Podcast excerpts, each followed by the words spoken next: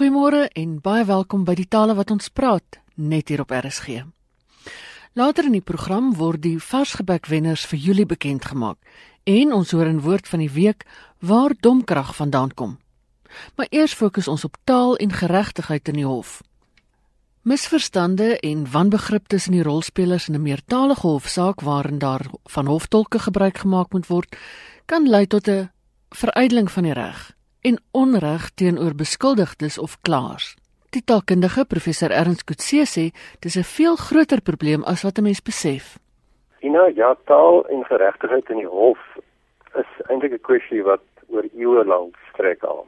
En uh in ons veeltalige land was taal en uh hofsaake sekerlik al uh, sedert die vier jare in die Kaap 'n probleem.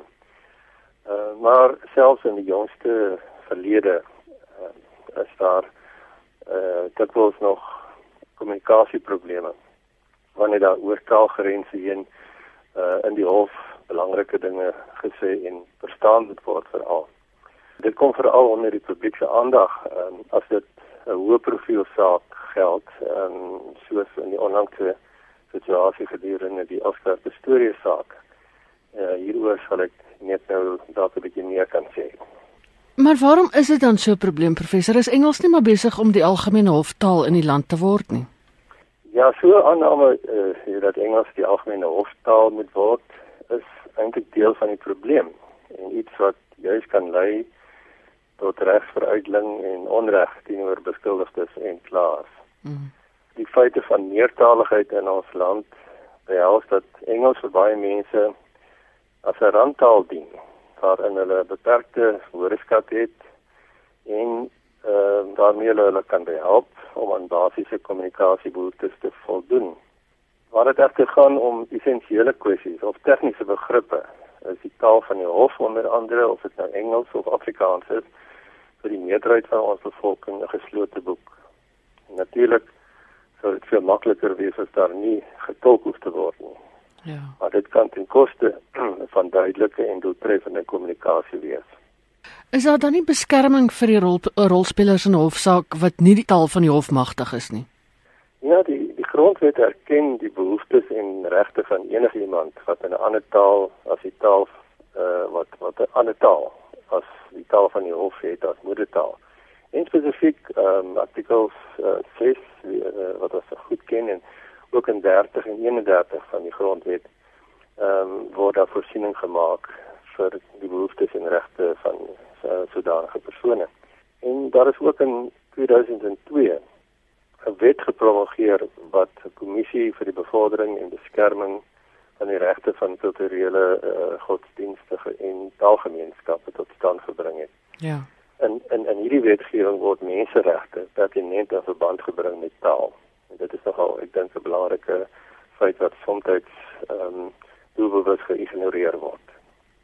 Nou, hoe word hierdie uh, Ekskuus, mens kan miskien jy weet uh, jy, jy vra nou oor uh oor die die beskerming. Hmm. Ehm um, mens kan ook die vraag vra wat is dan nou eintlik spesiaal aan die gebruik van 'n spesifieke taal in die hof? Hmm. Dit is as mens nou dink oor wat aan wat in die, in die res van die wêreld gebeur ehm um, sou mens kon sê of sien mense raak dat in demokratiese lande die hof beskou word as 'n baie sensitiewe sosiale instelling.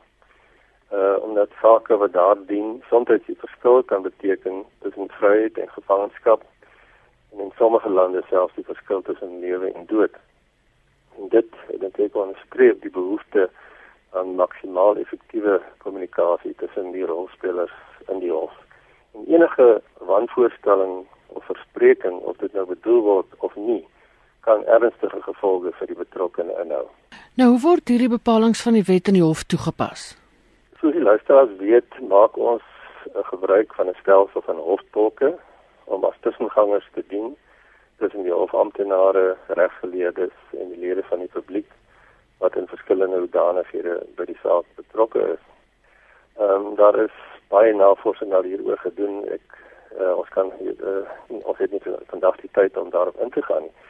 Maar ek dink 'n mens kan daarop wys dat in die praktyk daar uh, talle faktore is wat 'n regverdige verhoor kan beïnvloed ten voordele of ten nadele. Um, ek dink byvoorbeeld aan die taalvaardigheid van die tolk in albei tale. Ehm um, daar word beweer dat die gemiddelde tolk in Suid-Afrika of in die Suid-Afrikaanse howe in uh, ongeveer sewe tale vaardig is. Hmm. Sewe tale kan beheer in verskillende uh, op verskillende vlakke dink ek van vaardigheid. Uh, nog 'n faktor sou wees die opvoedingsplan van die tolk uh, en wat het wat op watter vlak is jy weet het, het hy kundigheid of sy het sy kundigheid wat wat betref die die baie gespesialiseerde uh, kundigheid om te kan tolk. Ehm um, verder ook uh, in hofsaake byvoorbeeld die, die tegniese of ook kulturele aard van die kommunikasie wat plaasvind. En nog 'n faktor is die objek, objektiviteit van die tolk. Mens vind soms dat selfs uh, familielede van 'n tolk, uh, jy weet in die hof moet verskyn. Dit uh, die aard van die saak kan beslis uitwerking hê op die op die objektiviteit in hierdie geval.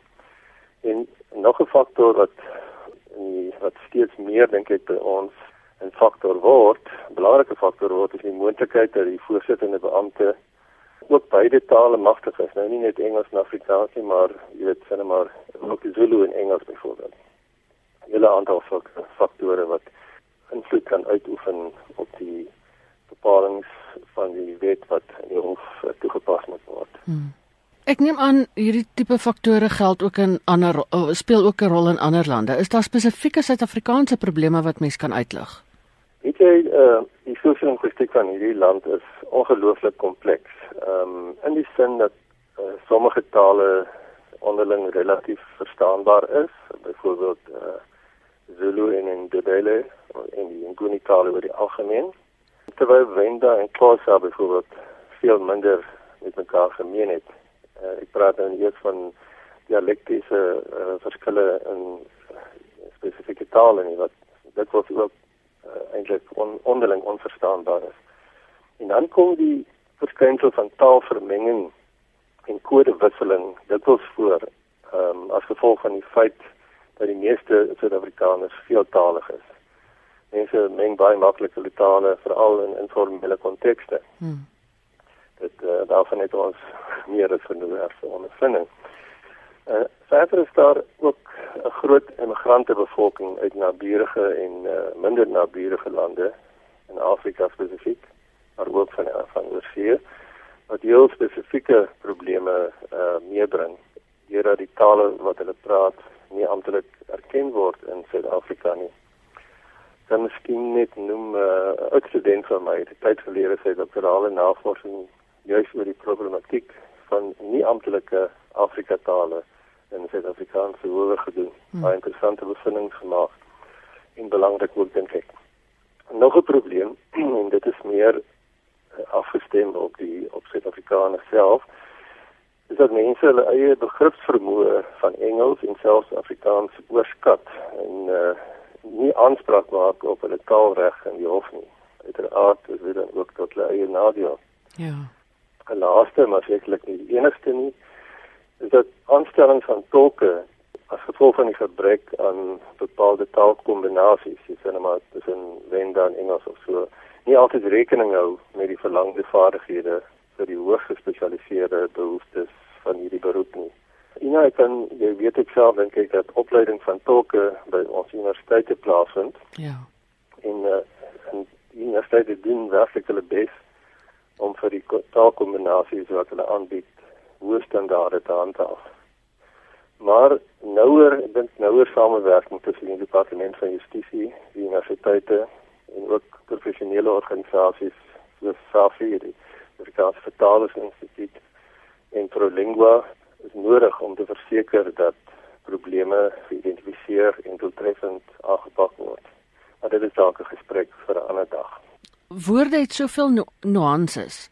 Dit dra seker by tot die probleme. Ja, dit maar reg is as jy nou ehm uh, met nuances bedoel eh uh, verskillende betekenisse toepassings ja, ja. in verskillende kontekste. Ja. Inderdaad die geval. Ehm um, jy weet die verskillende taalgemeenskappe maak ook van verskillende maniere gebruik om betekenis oor te dra. Daar's byvoorbeeld gebare wat gebruik word, jy weet uh, lyfstaal byvoorbeeld wat wat dit was 'n rol speel. Ja. En wat in sommige kulture weet baie belangrike uh, funksie vervul. En dit word nie altyd as dit 'n woordelike vertaling is, byvoorbeeld in die hof oorgedra nie. Jy weet om sinema te te, te wys op ehm um, sê maar waar iemand beseer is, jy weet waar daar gewys na die liggaamse deel en dit word nie noodwendig uitgespreek nie. Of, Ja. daar word sê net maar gevra hoe hoe groot was die man uh, of die persoon of die aanvaller wie ook al dan wys die getuie soms na iemand in die hof en sê omtrent so groot. Mm. Jy weet en en al jy weet sulke dinge speel ook 'n rol en dis en behalwe wie die feit van gangstaal is daar natuurlik ook dialektiese verskille ehm um, tussen en ook baie dikwels is daar valse vriende tussen tale wat eh uh, jy weet 'n ander betekenis kan oordra as wat in die brontaal uh, bedoel is. Ja. Dis heeltemal korrek, ja. Het vroeër verwys na Oscar Pistorius. Kom daar sulke gevalle waar taalprobleme 'n rol speel, uh, kom dit ooit aan die lig? Ja, ja, ek, ek dink uh, het jy verwys nou na die na die voorbeeld van Oscar Pistorius. Uh, ek dink ek kan miskien na twee voorbeelde verwys. Jy sal onthou dat daar 'n opskudding was gedurende die verhoor van Pistorius oor die onervarenheid en onbekwaamheid van die tolk wat tussen uh, Afrikaans en Engels moet tolk. Ja. Uh, en so mate dat die getuie wat uh, beide Engels en Afrikaans magtig was, byvoorbeeld die tolk moes korrigeer as gevolg van foutiewe vertaling. Ja. En dit later moet opgegee en sy het verder voortgegaan om in Engels te getuig. 'n Ander tolk en dit is dit is nie dieselfde nie, dit weer die woord geluide byvoorbeeld vertaal as gunshots. Natuurlik 'n kritieke fout van. Ja. Nou, uh, dit ek dink hier hier situasie is moontlik 'n soort diagnostiese aanduiding dat vele gevalle van wantolking in lae profiel sake uh, onopgemerk verbygaan, veral ook in ander taalkombinasies, Hmm. nie tussen Engels en Afrikaans nie. En dit is voor die hand liggend dat uitsprake wat op sulke gevalle van uh, landkommunikasie gebaseer is, nie geregtigheid uh, in die hof en die handwerk nie, inteendeel. Die tweede voorbeeld wat jy ook sal onthou, lê dalk 'n bietjie verder terug in ons geheue.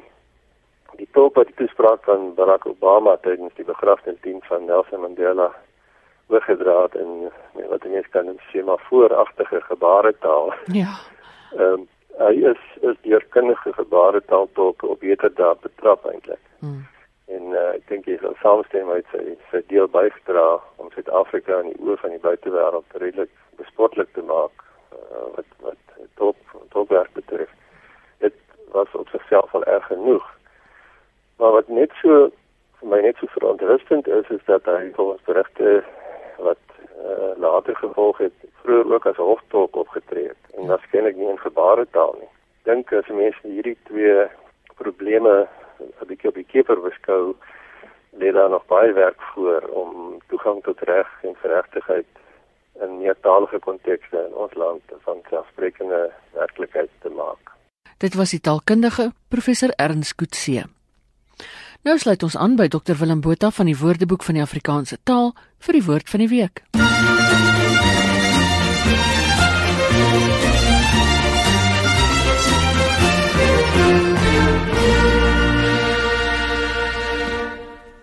Ja, ons praat vandag oor domkrag.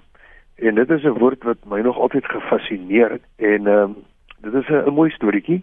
Uh, dit is natuurlik 'n werktuig wat jy gebruik om 'n swaar voorwerp mee op te lig. En ons kry dit uit Nederlands domme krag. En dit is 'n samestelling van dom en krag. Maar dom hier beteken nie onnosel nie. Dit is 'n wisselvorm van duim, want dit verwys eintlik na die uitsteeksel aan 'n as of 'n spul waaraan 'n mens 'n bewegende deel oplig. So daai uitsteeksel lyk soos 'n duim, maar die woord is vervorm tot dom en dis dan saamgevat in die woord domkrag. So domkrag is iets wat krag uitoefen op 'n vashou plek, op 'n duimpie. So dis krag wat uitgeoefen word op 'n duim, domkrag.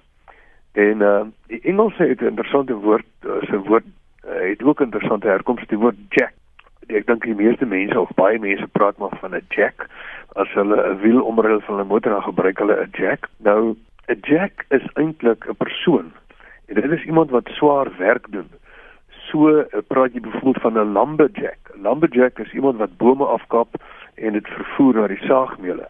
En dit is dan oorgedra op die werktuig. So ons hier 'n oordragtelike toepassing van iets wat eintlik op 'n mens van toepassing was. Maar ek wil sommer praat oor die woord uil. Uil het drie betekenisse in Afrikaans.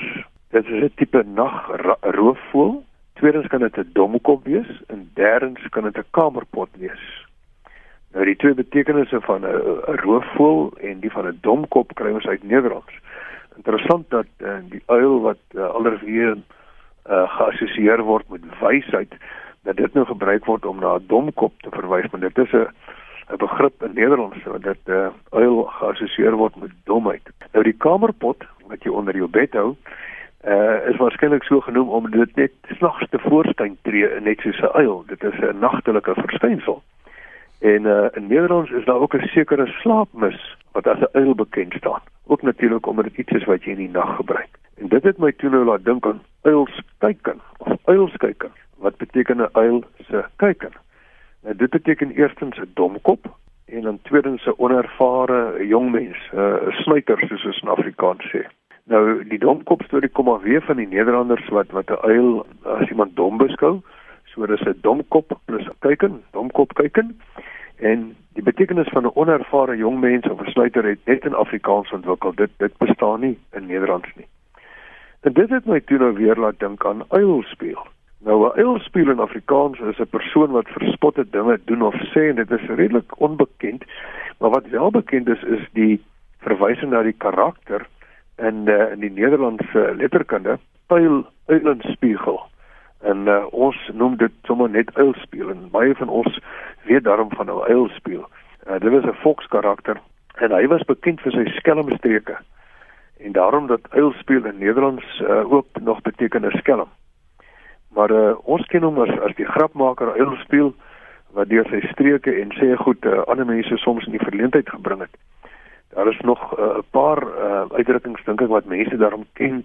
Mense weet dat Eil speel het byvoorbeeld gesê mense hou nie van my nie, maar ek maak daarna. En dan het hy ook gesê ek wil van geweet wees. Nou daarmee verwoord hy eintlik 'n algemeen menslike behoefte aan erkenning. Almal wil mos daarom erkenning kry vir wat hulle doen. En daarom het hy soms gesê ek wil van geweet wees. Ek wil net weer ietsie sê oor oor borgwoord. Nou om deel te neem kan jy uh, daar's twee keuses. Jy kan of uh, vir R100 deelneem of vir R5000. As jy uh, vir R100 deelneem, dan kry jy 'n sertifikaat met jou naam en die woord of woorde wat jy borg en jy kry ook gratis toegang tot die aanlyn woordeboek vir Afrikaanse taal vir 6 maande en jy kwalifiseer om R25000 geborg deur Sanlam te wen in 'n prystrekking.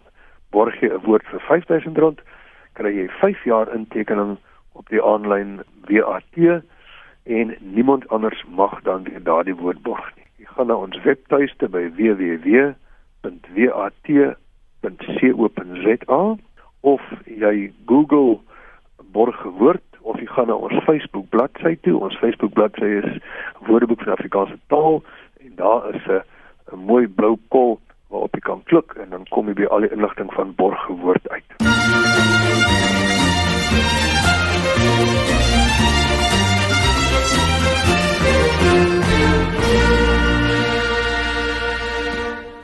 En nou maak Viva se Sofia Kap varsgebek se julle wenners bekend. Daar is twee afdelings in varsgebek. Die een is sê goed. Daar skryf luisteraars woorde of uitdrukkings in wat nou nie is of nog nêrens opgeteken is nie. Dit kan ook ou uitdrukkings wees. Uh ons wenner vir julle is Hendrik Saiman met 'n heerlike sêding kermkoop. Dis daai tipe kopery wat jy doen in 'n winkel wanneer jy kinders by jou het wat meel en jy met 'n klomp goed in jou mandjie sit wat jy nooit wou gehad het nie, maar jy koop dit want jy wil asseblief net van die meel ontslaa raak. En ons kyk goed afdeling is Alex Boonweier 'n tablet gewen ter waarde van 4.500 rand met 'n inskrywing oogappel. Die inskrywing moet luisteraars op ons webblad gaan besigtig want dit die kyk goed afdeling is 'n grafiese voorstelling van 'n woord of 'n uitdrukking. eerste pryswenner in die seegoed afdeling Hendrik het 'n ATKV wegbreek naweek vir 4 by ATKV oort van sy keuse losgeslaan. Vertel ons bietjie van die kykgoed afdeling van die wedstryd. In die kykgoed afdeling kan luisteraars enigiemand kan inskryf.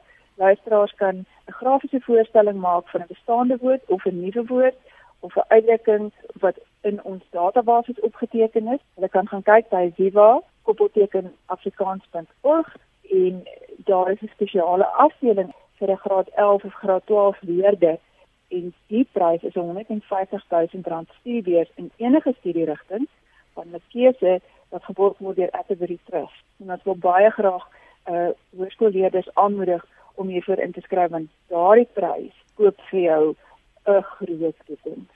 Dit was Sofia Kap van die Virtuele Instituut vir Afrikaans. Vir meer inligting oor die kompetisie, besoek varsgebek.org. Dis aan al vir vandag. As jy weer na die program wil luister, kan jy donderdagoggend 3uur inskakel of jy kan die potgooi aflaai by rsg.co.za.